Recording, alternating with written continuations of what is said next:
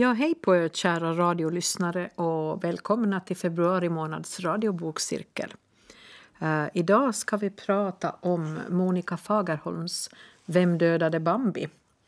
Och vi som sitter här idag så är jag Katarina Norrgård. Jag Ingemar Johansson. Maria Svensson. Och Ulf Nyback. Och jag tror jag lämnar över ordet direkt åt Ingemar som ska berätta lite om författaren och boken. Ja, Monica Fagerholm, Vem dödade Bambi, ska vi prata lite om idag. Och Monica hon fyller förresten då 60 år i slutet på februari. Hon är en finlandssvensk författare. Hon lär bo i Ekenäs. Hon har utgett några böcker. Jag har läst in mig på det. Cham 87, Underbara kvinnor vid vatten 95 och för den fick hon Runebergspriset. Det har gjorts en film på den också. Den amerikanska flickan, Augustpriset, Pocketpriset, Glitterscenen, Havet, fyra lyriska essäer med Martin, tillsammans med Martin Jonsson. Och Lola upp och ner och sen då slutligen Vem dödade Bambi som hon har fått Nordiska rådets litteraturpris för förra året blir det. Uh, ja, jag tänkte jag skulle börja med några rader från eh, början av boken och så någonting i, mot slutet och sen så skulle jag vända mig till er här och höra vad ni säger om det här. Alltså Monica Fagerholm, Vem dödade Bambi? Jag läser. En morgon i september 2014. Gusten Grippe går ner till vattnet, Kallsjön, Villastan. Så vad gör han här? Rätt, ingenting. Men en gång när Gusten var barn var det här hans värld. Han och hans jämnåriga kamrat Nathan. Deras mammor och väninnor. Och så mot slutet då säger en av deras mammor. Nu ska vi vända blad och en vacker dag har vi vänt så många blad att ingenting av det här har hänt. Och man kan säga däremellan så utspinner sig den här berättelsen i, i boken. Och ehm, ja, någonstans så står det att det måste finnas ett kitt som håller ihop en bok. Då tänkte jag liksom lägga den på bordet här. En bok kan ju ha många händelser förstås, många små stories som är skojar, men har också ett kitt. Och, vad tycker ni? Vad är kittet? Ja, kittet, jo, det är ju den där centrala händelsen det, som finns, som har hänt, det hemska som har hänt i den här boken, som allt kretsar kring. Mm som också jag tror att, att Monica hade i tankarna när hon skrev det. Att belysa det här hemska som har hänt på många olika sätt och berätta hur, hur en sån händelse då utvecklar sig i ett sånt här samhälle. Ja, jag får känslan av att kittet kommer än tidigare i relationerna som på något vis är så befästa. Från miljön och tillfälligheter och upprepningar mm. av av eh, livsvägar som korsas om och om igen. Om man tänker på hur Tar hand om ett hus som är väldigt centralt i storyn sommar efter sommar. Och det finns många, många broar och många trådar som spinner som kitt i under resans gång också. Men visst, händelsen är ju liksom klimax på något vis Förstås. i boken. Det, det, är ju en finlandssvensk miljö, en villastad, mm. där alla känner alla. Och det är därför som det blir så hemskt och pinsamt det som har hänt också. Mm. Mm. Det är ju... Jag tycker att dels så handlar det ju... Vi har väl ingen tydlig berättare i den här boken, men vi har eh, kvinnlig vänskap kan man väl säga. Om man nu, hur mycket man nu ska kalla det vänskap mellan Emmy och Saga Lill. Som ju nog är vänner men de är lite de håller sig på varsin kant sen i vuxen ålder. De har varit väldigt goda vänner men det blir lite sådär konstigt mellan dem. Kan väl ha någonting att göra med Gusten som har haft ihop med båda två också. Men, eh, och sen är det de här pojkarnas vänskap som ju faktiskt slutar ganska katastrofalt egentligen kan man säga. Och jag, däremellan har man den här eh, Nathan eller Nathan, jag vet inte riktigt hur jag, ska, hur jag skulle vilja kalla honom Nathan för han stavar sitt namn med TH. Eh, som är liksom den här eh, bad boy kan man väl säga. Han, han är en mobbare. Han är den här pretty boy som, som flickorna faller för, för att han är så snygg. Och, och Han är nog ingen trevlig typ. Han får mig att tänka på Dorian Gray av någon anledning. Någon som kommer undan med allt för att han är så vacker. Och olycklig. Och olycklig, framför allt. Ja. För det är han ju. Mm. Och ändå var det han som var själva anstiftaren till det här som hände då. Ja. Så han är lite sådär, vad heter, han, vad heter det, Eh, falsk kan man väl säga. Ja. Eller lite Ja. sådär. Jag tycker som läsare så, så vet man ju om att det ska hända någonting gruvligt i den här boken. Så man liksom, lä- jag läser boken på, med, med den föreställningen att nu ska det hända något hemskt här så småningom. Men sen när jag har läst boken, men vad handlar det här om egentligen? Det var ju det var så mycket och, och det skulle handla om det här pojkgänget, grabbarna. Men sen är det ju flera kapitel, flera långa stycken som handlar om, om flickornas, ur flickornas perspektiv. Ja. Det är intressant. Jag fick frågan. Jag lyssnade på delar av boken som e-bok. Det Ja. var nytt för mig att ta del av roman som e-bok. Men det var intressant. Det var ju författaren själv som läste in. Ja. Så då fick man ju också uttalet på namn och sånt här. Så som hon hade tänkt säga Och hur sa hon? Nathan. Nathan. Nathan. Oh, ja. på, på, på, på Ekenäs dialekt. Och det var liksom, jag, jag placerar ju den här lilla små villastaden lite längre österut än Ekenäs på, på, baserat på egna erfarenheter. Men jag blev avbruten av en bekant när jag satt och lyssnade på det och frågade vad handlar boken om. Och då svarade jag med ett enda ord och det blev lite förvånad själv. Gusten. Det handlar om en person som heter Gusten. Och även om berättelser fokuserar med lite olika vinklar på olika personer så är han på något sätt den röda tråden genom hela boken. Ända till slutet.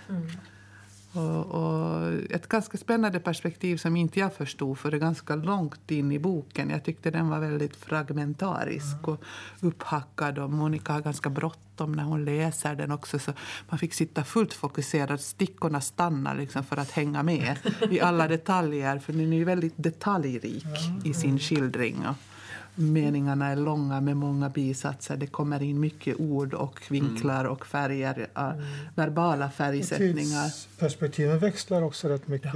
Jag gillar det. Jag gillar ber- berättarperspek- berättarsättet. Alltså det är som blixtbelysningar av en händelse i olika, på olika, från olika perspektiv. Och- på nytt och på nytt och på nytt och på nytt. Och man kommer aldrig ifrån det som har hänt.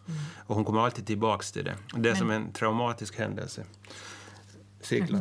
Hon, gör, jo, hon gör som en cirkel, en lov runt och så ta, tar hon det på nytt igen. Men då ser man det ur en lite annan Jag vinkel. gillar, jag gillar det. Jag tycker inte om, om att skulle det vara en bok som skulle börja från början och så skulle det gå liksom mot slutet, då skulle, då skulle det där som hände, det skulle hända någonstans och sen skulle det bli en utredning på det och det skulle gå framåt. Men det här, det blir på sätt grymmare, det blir liksom råare, det blir äktare, det känns liksom, ja, det är bättre helt enkelt. Så. Jag tänkte på det. Ja, det var intressant att du sa att man- att det- bygger upp mot att man förväntar sig att någonting hemskt ska hända. Ja. I, jag tänkte tanken ganska tidigt. Jag förväntar mig inte att det ska hända så mycket bra i den här boken. Att den var ganska tung i sitt innehåll. Och man tappar förväntningarna ganska fort in i läsningen på att det kommer att blomma ut i en happy end eller någonting lyckligt eller någonting bra. Det var inte de förväntningarna man satt med när man läste med. Och det tyckte jag blev nästan lite jobbigt ett tag. jag läste vidare. Jag läste vidare.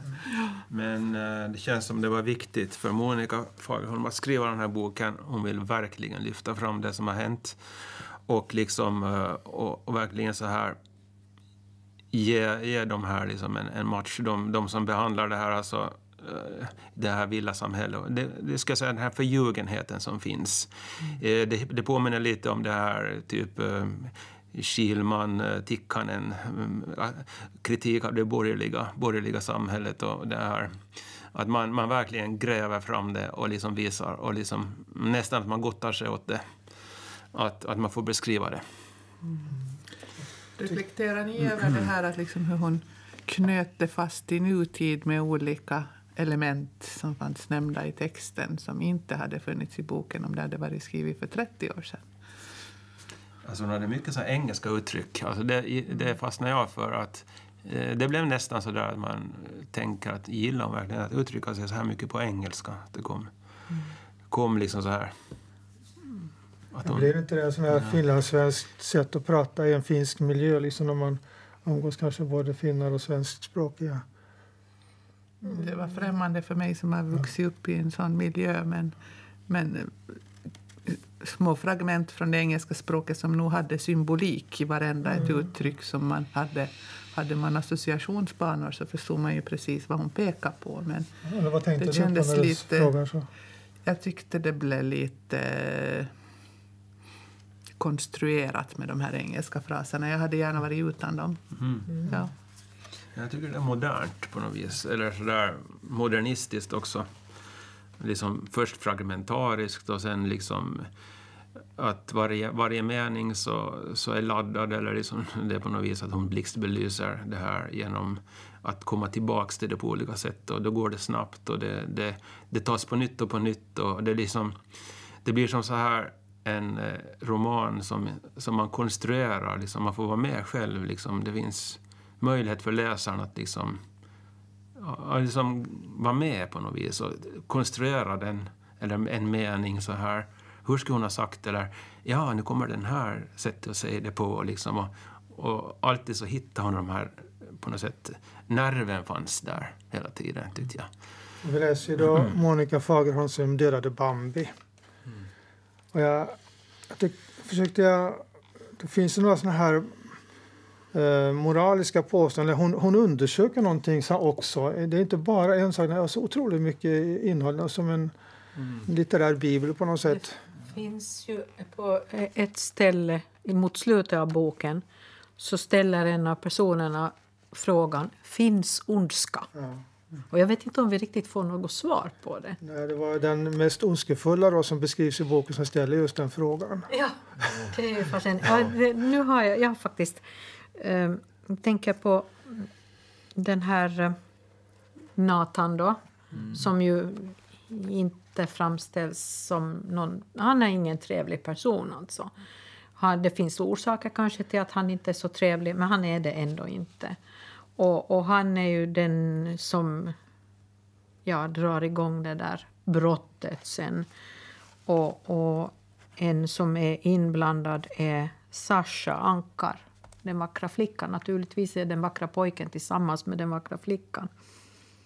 Men jag tänkte läsa en kort snutt som kanske lite förklarar eller säger någonting om den här, om honom framför allt. Nathan orkar inte höra på, inte Gusten heller, som tillbringar största delen av sommarmånaderna med mamma. Angela har ett längre engagemang i Australien och i Sydney har det varit vinter, sträng. Gusten har gått över kalla klinkergolv och frusit in i ryggmärgen och längtat hem till villastan.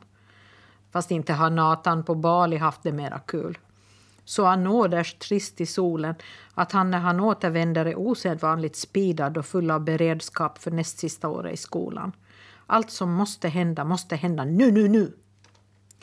Så där kommer hon då som på beställning just denna kväll. Sasha, vacker, galen.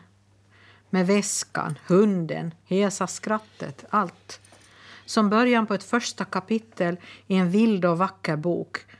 Och ja då, hon är fullständigt medveten om det själv så även på det viset är allt med Sasha bara för, förställning.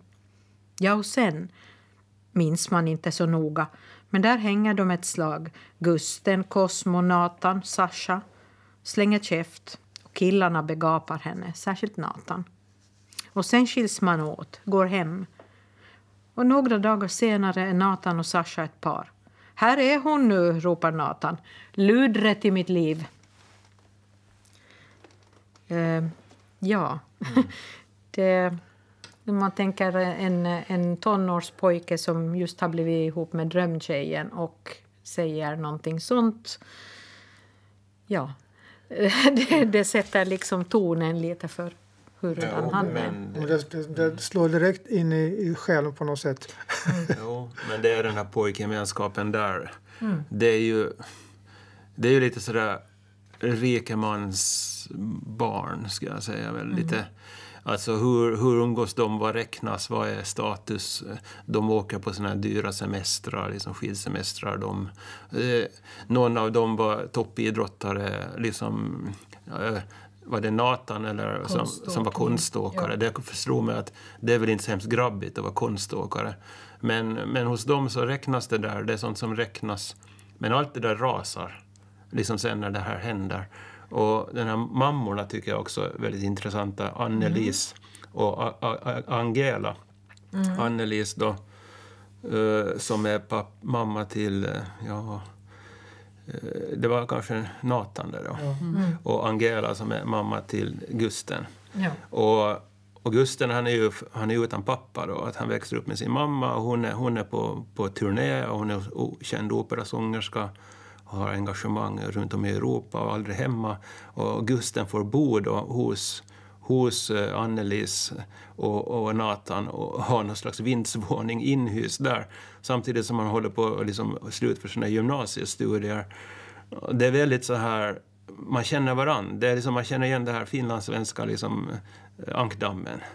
Att man liksom hyser in sig hos varann. Och, ja, åtminstone i vissa sådana här samhällen. Jag tänker på Grankulla. Ja. Alltså, jag får en sån här... Liksom, den här, att det räknas vissa saker som räknas. Man ska, man ska ha pengar, man ska vara som, hö, ha en hög position i samhället. Uh, Annelies eh, till exempel har, fått något jobb som, för en tankesmedja som heter Guldfontänen som ska vara räknas som något väldigt så här eh, stort och fint och, och hon själv är eh, ekonom. Och eh, ja, och, och hon, när hon får veta det som har hänt, att Nathan har gjort det, så blir hon helt ställd. Alltså, hela all mask faller av henne och, och hon står där och inför kameran och att hur kan Nathan, säger hon bara, frågetecken. Liksom. Det är ju hon också sen visst som säger det här med, med att om vi vänder tillräckligt många blad så har det inte hänt. Ja. Intressant att du anknöt till Grankulla. Grankulla fanns ju nog i mina tankar hela tiden. Jag har funnits där som tonåring och sett det här spektaklet. Och där är ju det där träsket, där är där stora villorna runt träsket och där är också det här ensamma höghuset som är några stycken, de är mitt i centrum. För han har ju två tillvaron. Han har ju ett i det enda höghuset i en tvårummare med utsikt över den här villastaden. Då. Där någonstans nämner, de, nämner hon att det liksom ett litet centrum med bara bank och några butiker. Det, det Det låter... kan förstås vara Grankulla, men hon nämner oss tillfället. Det är en sån här trio arkitekter som, som har byggt den här platsen. Och det är ju Bomansson, Sonck och Ljung som byggde upp Brände. Ja, Så att hon kan säkert ha säkert, blandat. säkert tagit fina guldkorn från alla där. Men det fanns en simhall i det här lilla samhället och det finns det i Jag Grankulla vet, jag också. har bott bredvid Grankulla så jag joggade in dit. Jag bodde bredvid så, så jag har varit dit i posten och jag vet att det ser inte så hemskt fashionabelt ut i det centrum ändå där. Det är någon gammal byggnad men det finns en post och det finns någon restaurang och, Ja. men de där villorna så, de är ju fina. Ja. Men är det någon som får något som helst som jag, Twin Peaks-vibbar? Kanske inte så mycket av den här boken egentligen när jag tänker efter för det är nog kanske mera den amerikanska flickan då som Ja. är, har mera sånt. Men lite, lite grann. Ja, alltså det som jag tycker hon lyfter fram väldigt finurligt och, och trovärdigt är det här att Gusten då, som kommer från det här höghuset, de är enklare han kan finnas i båda världar. Både i Natans värld och i Gustens värld. Han blir god vän med Annelise, Natans mamma. De har en, en slags vuxenvänskapsrelation av något slag som, som är stark. Eh, Men Nathan rör ju sig inte i Gustens värld. Nej, nej, nej. Han vet inte om riktigt hur det är där, för han har bara en värld. Men just, och det tycker jag är väldigt symptomatiskt just för de här små ankdammarna. Att, att den där strävan efter att förstå och finnas i den, eh, gräddhyllan, även om man inte hör hemma där, men det fin- omvänt så Men eh, finns inte Gusten den han, han försöker lite stå utanför det där. Han, han skriver ju liksom mycket och han, han skriver några dramapjäser och han sitter och han, han sö- söker inte till Teaterhögskolan vill han. Ja. Så att han är ju en sån där som, som är kulturell. Lite, Och väljer det Ja. rum till arbetsrum i den tomma villan på sommaren där det är vackraste utsikten. och han, han lyfts ju fram som ett fint föredöme av pappan i familjen, Natans familj. Att titta på Gusten, att han, så ska man vara. Han, en- han strävar framåt och han vill någonting. Men Nathan verkar, han sitter i sitt rum och spelar bas mest. I så- så här. Eh, han har ju också byggt upp det här rummet med madrasserna. Med, där allt det här händer då sen i, på den här festen. Ja. Jag tänkte när det gäller det här kittet som jag var lite intresserad av så tänk, kommer att tänka på, hon talar om begär och nåd och teodicéproblemet, hon talar om de utbytbara. Tänkte de sju dödssynderna, jag kan, inte riktigt hitta alla sju dödssynder så specifikt, även om allt kanske finns med, precis som vem, vilkens liv som helst. Men eh, som författare Monica Fagerholm hon undersöker liksom vad ondskan. Och när, Ja, när blir man ansvarig som går Kiddalls? När, när, när går man från eh, det här oan, jag vet inte om barn är oansvariga, men man säger så i alla fall. Det oansvariga barnet till den ansvariga vuxna. Och där finns det ändå en tendens då kanske att eh, de utbytbara vi skulle som läsare kunna vara de här också. Ja, jag tycker alltså, det visar på hur lätt, hur lätt det händer. Det händer, det händer när man, om de har alkohol i kroppen och, och de är liksom speedade på några olika sätt och så har de den flickan som är utanför. Och, och hon har också svikit den här Na- Nathan och, och liksom ja, gjort slut med honom helt enkelt. eh, Typ eh, två månader, tre månader innan. Och så lurar den här Gusten henne med på festen. Alltså han riktigt övertalar henne. Och hon, och hon liksom vill egentligen inte dit, men hon kommer dit ändå. Och, och hon är ju liksom som någon slags, jag tänkte Sasha, det låter som något rysk nästan, att, att sån här en sak, ett objekt eller liksom för Leksak. dem, för dem, ja leksak, Som behöver repareras. Ja, eller inte straffas, straffas ska jag säga kanske. För att hon var så elak och, och svek, svek, svek Nathan då. Att hon hade mage att göra Ja. slut med honom. Ja. Och då tycker de att de får göra vad som helst då, typ. Men hon beskrivs som en leksak som behöver repareras. De, det är som ett barn alltså. Det, vi gör precis vad som helst med leksakerna. Det brukar med barn. Dunkar Slänger i dockorna i, i, man blir arga, bankar, sticker nålar genom allt möjligt. Och det får man Ja. ju inte göra man Ja. Det fanns ju ingen, ingen odling av empati i Nathans själ på något vis. Den här vännen som Ja. skulle åka till Alperna och han var frivillig att fara istället när det inte lyckades för, för den så kallade vännen så var han snabb att ta platsen. till allt detta? Vi, vi går ju som katten runt het gröt, men det som har hänt är en, en brutal gängvåldtäkt som, eh, som har på, på, pågick i åtta timmar. Där hon bands fast i ett madrasserat rum under en fest och eh, satte duk över eh, munnen på henne och bekände att hon var en hora och allt det där, att hon skulle säga det. Och sen, så. Och sen så blev hon kvar där i rummet, att, eh, att eh, Nathan fick inte henne därifrån. Att hon, hon var liksom frihetsberövad i kanske tre dagar också. Och sen, sen hamnade hon på sjukhus. Och eh, hon vill ju inte alls kännas vid att det har hänt det här. Hon säger till poliserna att eh, det var några gängkillar som bara hade hoppat på henne eh, i skogen någonstans. Och det tycker jag också är lite konstigt. Men sen visade det sig att hon blev ju mutad. Hon, de försökte ju sköta det här genom att ge henne betalt, eller ge hennes mamma, som var någon superkändis, mycket pengar för att de, de inte skulle berätta om det. Den döda Bambi, alltså det här, det här eh, oskuldsfulla eh, varelsen. Och, och frågan vem, vem bär skulden till detta? Och så lyfter de fram alla möjliga. Det är inte så lätt att säga att det är bara en. De blir ju i stort sett frikända de här barnen. Och där tycker jag hon står faktiskt på offrets sida och liksom känner den här ilskan och det här, hur det har gått till och hur kan det gå till så här. Att, eh, det tycker jag liksom är bra, bra i den här boken, att man, man står på, på offrets sida. Men det som ju sen är intressant är ju uh, Cosmo, tycker jag också. Han alltså som, som har blivit mobbad av framförallt då Nathan som nu som sagt inte var så trevlig. Eh, och, och, och det här eh, har då gått och blivit filmregissör och ganska känd och han är riktigt, han är entreprenör, han är liksom entrepreneur at heart står det på hans mm, visitkort och, och han, är, han har stora idéer, kommer hem igen till lilla Grobb och, han ska göra en film av det här. Ja. Och inte nog med det, men vem är han tillsammans med? Vem är hans flickvän? Jo, Sasha.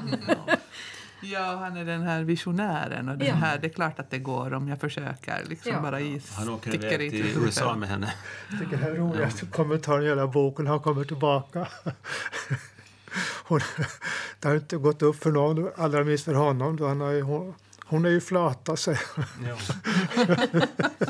han, han åker iväg till USA med, med henne och han vill väl göra någon slags filmkarriär och samla pengar och ha något bolag, sån här filmbolag. Och eh, ja, han känns som den där som, som alltid varit utanför, som blev mobbad i skolan och som, som ska hämnas på de här killarna. Cosmo. Han gör den här filmen för att han är så där, nu ska de få sig riktigt. Liksom, han njuter av det. Att, att, att, att han berättar att, att det är på gång. Och liksom, när de har so- sopat under mattan redan så kommer han som en sån där gubben ur lådan. Och, sådär. Ja, men också lite sån här liksom tillväxt i i egot på något vis. Han skakar av sig den där mobbningströjan och nej, nu är jag någonting Ja. helt annat. Jag hade ett stycke här. Ska vi se om jag hittar det. Men det handlar egentligen om, om den här, det här där det då framgår att, att uh, han blir mobbad. när Cosmo, hur det går till. Och det är då Nathan igen. Han är nog på något vis en av de här huvudpersonerna, så otrevlig som han är. Uh, Det här är då när de börjar i högstadiet, tror jag. Men Nathan, den hösten kom han tillbaka som förändrad. Så jävla vacker plötsligt, eller snygg, som något slags mörk blomma som slagit ut. Det svartbruna håret, stålblå ögonen och det där släta, släta ansiktet. Det kattaktiga sättet att röra sig. I de här tiderna lade Nathan också av med konståkningen. Han hade tränat i juniorserien för herrar i många år. Men det mjukt, sexigt graciösa fanns kvar i kroppen, hur han rörde sig. Sympatisk? Nathan? Hmm, i och för sig. Nathan hade aldrig varit särskilt trevlig i bemär- bemärkelsen väluppfostrad, artig, fast det kunde han ju vara. Även om inte heller motsatsen, direkt för jävlig med människor alltså. Som så många andra ungdomar från de välbärgade hemmen i villastan var även Nathan ett ganska självupptaget bortskämt barn. Han var van vid att stå i centrum och få som han ville, annars blev han sur och visade det. Men visst hade det också varit riktiga uppträden och incidenter tidigare, i skolan till exempel. Egentligen är Nathan en blyg och känslig pojke, hade Nathans mamma fått sitta och förklara på träffar med lärarna eller på föräldramöten. Fast antagligen på grund av vem hon var, Annelies Heggert, internationellt känd ekonomist, en gång elev till självaste Milton Friedman. Ett sånt visitkort för villastan både innanför landets gränser och utanför. Man ville inte utsätta henne för skammen av en konfrontation inför alla föräldrars ögon så man tog det oftast med henne tätt a tätt i avskildhet.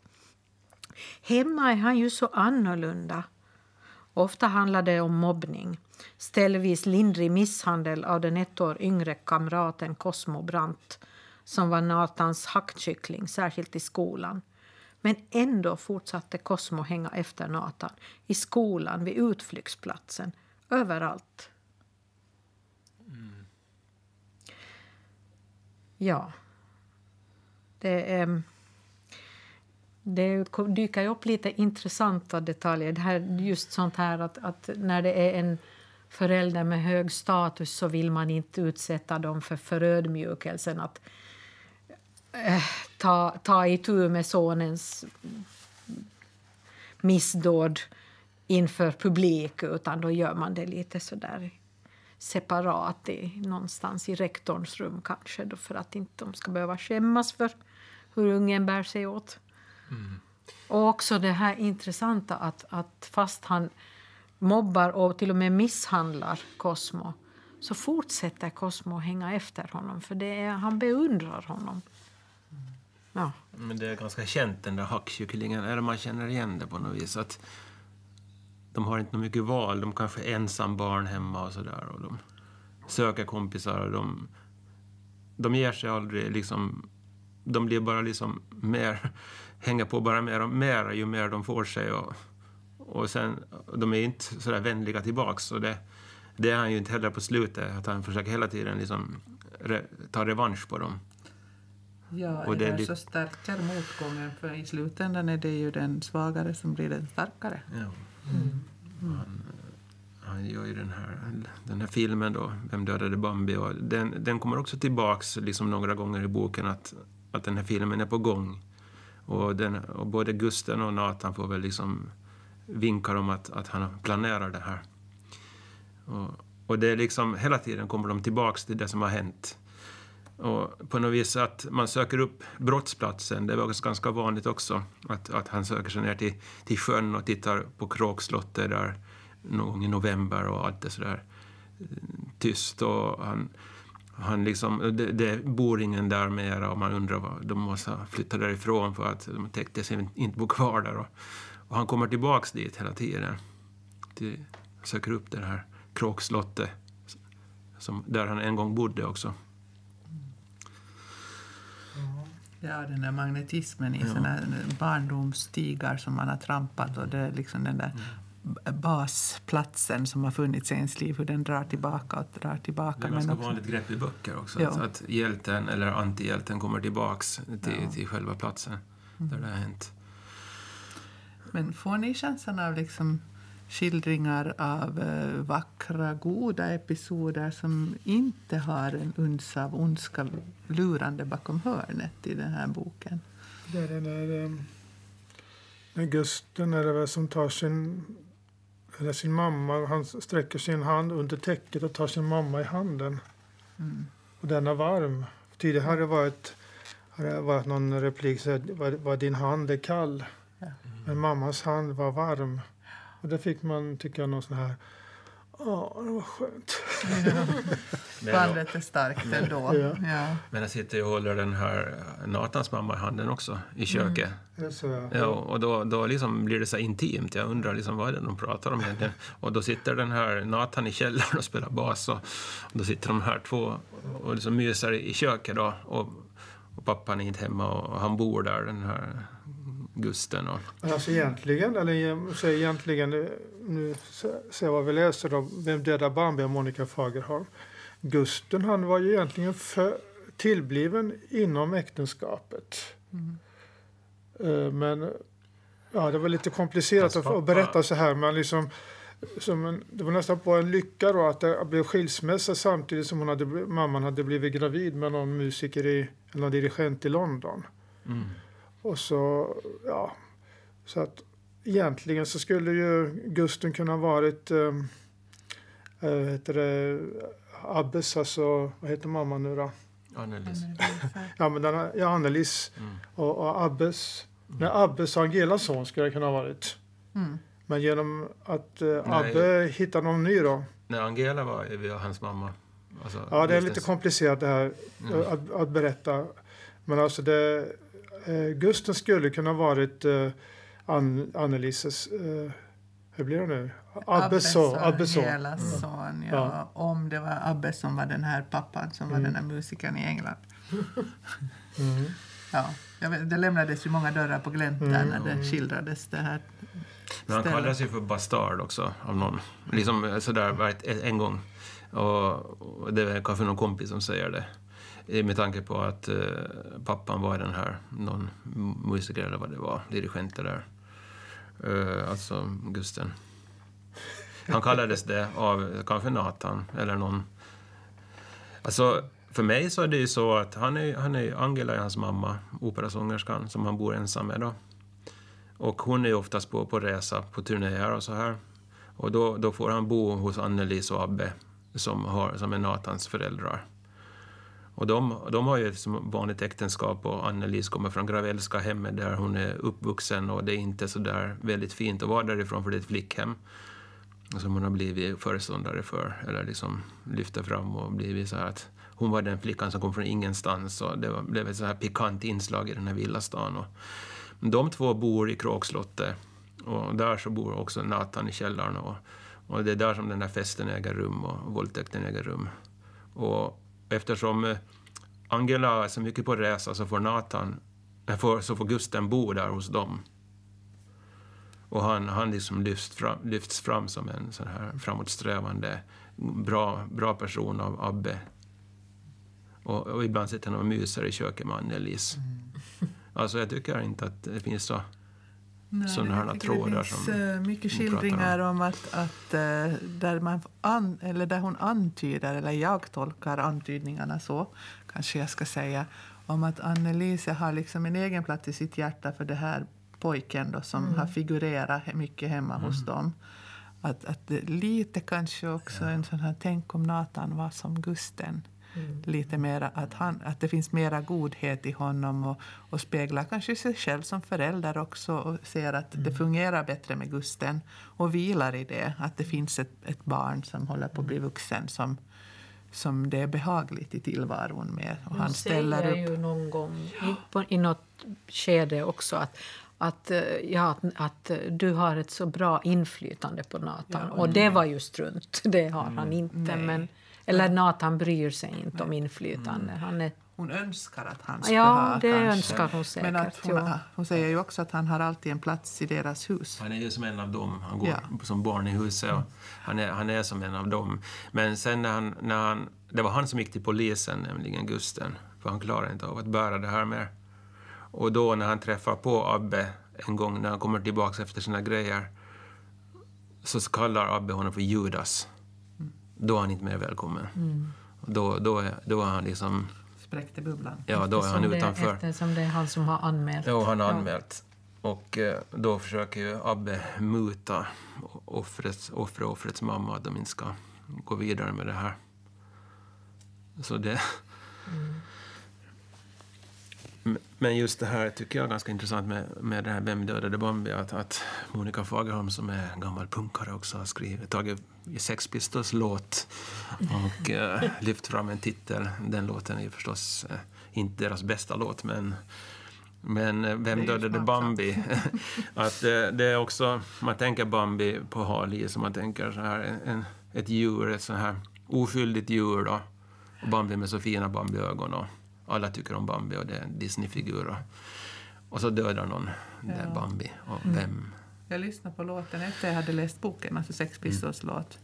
Och eh, konstaterade att jag förstod mycket väl att hon hade valt den titeln. För den låten är ju inte vad den ger ut sig för att vara först heller. Och det finns liksom en fasad runt det som man sen spräcker och låter bubbla. Och, och det händer en yta som är någonting helt annat under när de kommer vidare i låten. Så jag förstod kopplingen mycket starkt när jag hörde låten efter boken.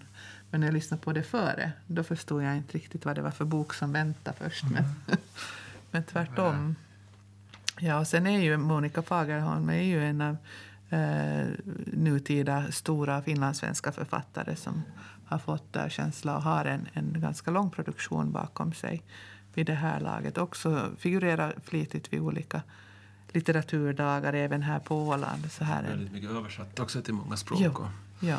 eh, det är väl typ hon och Kjell Wester som klarar av att överleva på sitt författarskap i svensk Finland, vad jag vet. Så att hon är ju betydelsefull. ja. Morgondagens kulturarv. Hon, hon, jag tycker den här boken handlar rätt mycket om att hitta ett, ett språk för... för ehm, ja, det är liksom religiösa begrepp då, men eh, det kanske inte finns. Man får översätta dem i så fall. Och försoning kanske, nåd och begär var, var ord som hon använde. Vad är ondska? Och, och det, det går inte med de här gamla klassiska orden för att de, det blir liksom stumt i, i relationerna. Det blir tomt. Det, är ett sånt här eh, dialogutrymme i boken där Emmy är det som säger till, eh, heter han Mats hennes man va? Mm. Att eh, jag är gravid. Och hans kommentar är att jag har varit otrogen. Mats, jag är gravid. Jag är otrogen, har varit otrogen. Kan du förlåta mig? Och Inser i ögonblicket att det skulle vara väldigt skönt att bli förlåten eftersom hon väntar mitt barn. Byta kanal nu. Och så frågar han henne, tror du mig? Och så fortsätter han som vanligt. Ja. Ja, och det här att man eh, vänsterprasslande med alla möjliga, så det verkar vara... Det är väldigt många som gör det, som byter partner, partners och åker iväg och sviker. Det är Och, inte helt ovanligt. eh, men jag tänk, kan tänka mig att det är kanske det som man gör i vissa ställen, vissa kretsar också. Många Alltså jag, jag kan tänka mig att det är en kritik som hon lyfter fram av det här villasamhället. Att, att det, är liksom, det, det är på lös grund, bygget. Att, att det är liksom en, en kritik som finns i, i det. Att, att så där är de.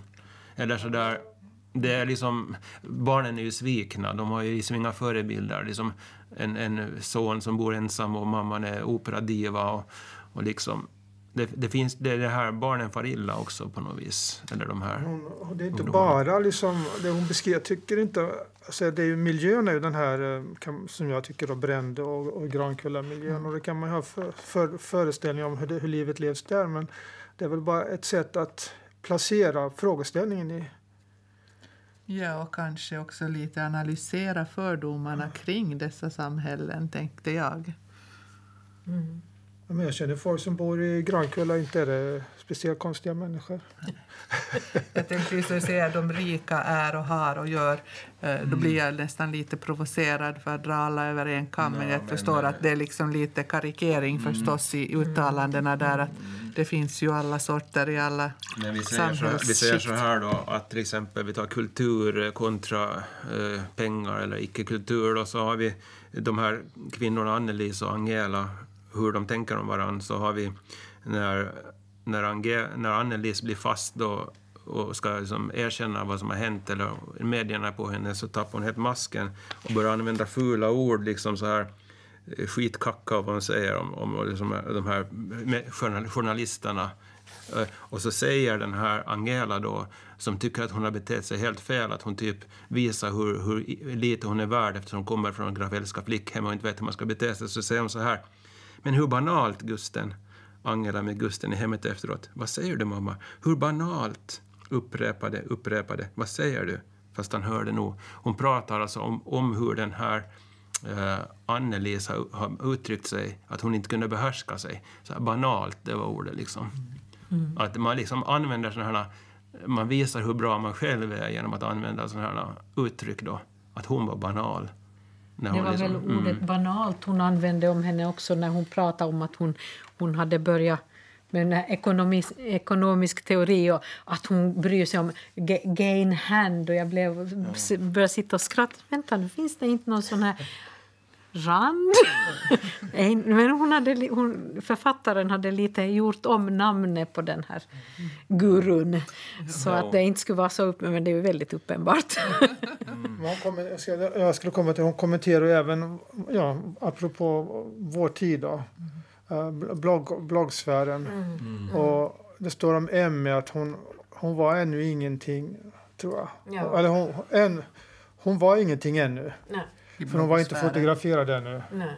Ungefär. Men hon hade, hon hade sin bloggosfärguru Gunilla Gamberg.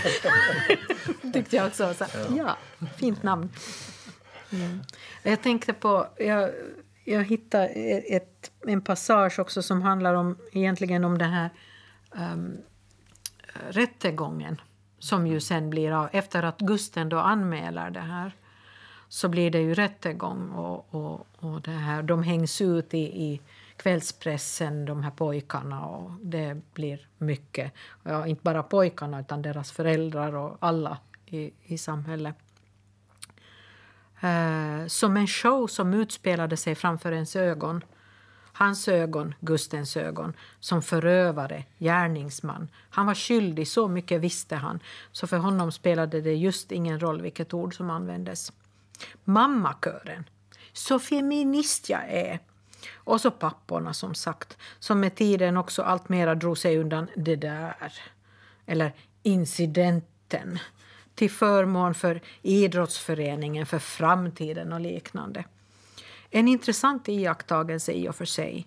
Hur dessa pappor, föräldrar till de åtalade, gradvis droppade av till exempel från de gemensamma strategiplaneringsmötena som ägde rum i hemmen i villastan med mediekonsult eller utan. Fast förstås, det var ju de papporna som stod för alla kostnader, betalade för sig. Något de inte heller var sena att i andra förtäckta ordalag påpeka ifall det kom kritik. Det var en massa andra möten, arbetsresor, olika slags broskor och frivilliguppdrag. Och herrfotbollslaget som just den här säsongen gjort sensation genom att lyckas ta sig upp i B-divisionen, vilket var mer eller mindre historiskt för fotbollen i Villastan. Och så var det basketpojkarna som var lika framgångsrika som alltid även vid denna tidpunkt. Och de var ju ändå inte självgående, så här tarvades också insatser fortlöpande. Och summa summarum, vilket kunde anses vara en rimlig slutsats, allt kunde ju inte försummas i all oändlighet. Ingen har dött och livet går ju vidare. Det låter Ja. som Åland det där. Det låter bekant på något sätt. Men Ja. just det där att, att huset blev ett kråkslott. Det lät, som de, de klarar inte av att bo där mer. De måste därifrån, flytta därifrån. Och Gusten han kommer ner till och tittar på stället där han har själv bott. Och det allt har hänt och det är bara liksom spillror kvar, det är ingen som bor där. Ett, ett spökhus.